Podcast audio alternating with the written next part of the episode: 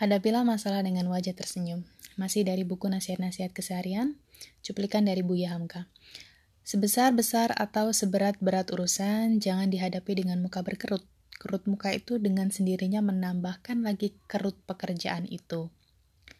Ada beberapa reaksi ketika seseorang menghadapi masalah yaitu berpasrah diri, tenggelam dalam permasalahan, dan sadar diri. Bagi orang yang pasrah diri adalah orang yang menyerah sebelum bertarung. Bisa dikatakan orang yang mengedepankan pasrah diri tidak akan bisa menyelesaikan masalah yang sedang dihadapi karena sudah merasa dirinya tidak mampu mengatasinya. Padahal Tuhan tidak akan membani hamba-hambanya di luar batas kemampuannya.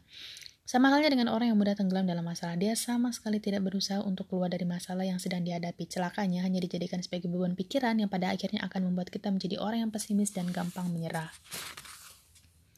Untuk itu, dalam mengatasi masalah, kita harus mengedepankan sikap sadar diri.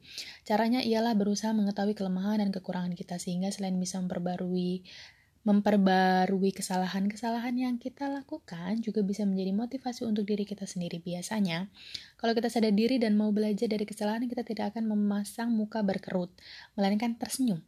Sebab kita paham bahwa kerut muka hanya memiliki orang yang mudah berputus asa.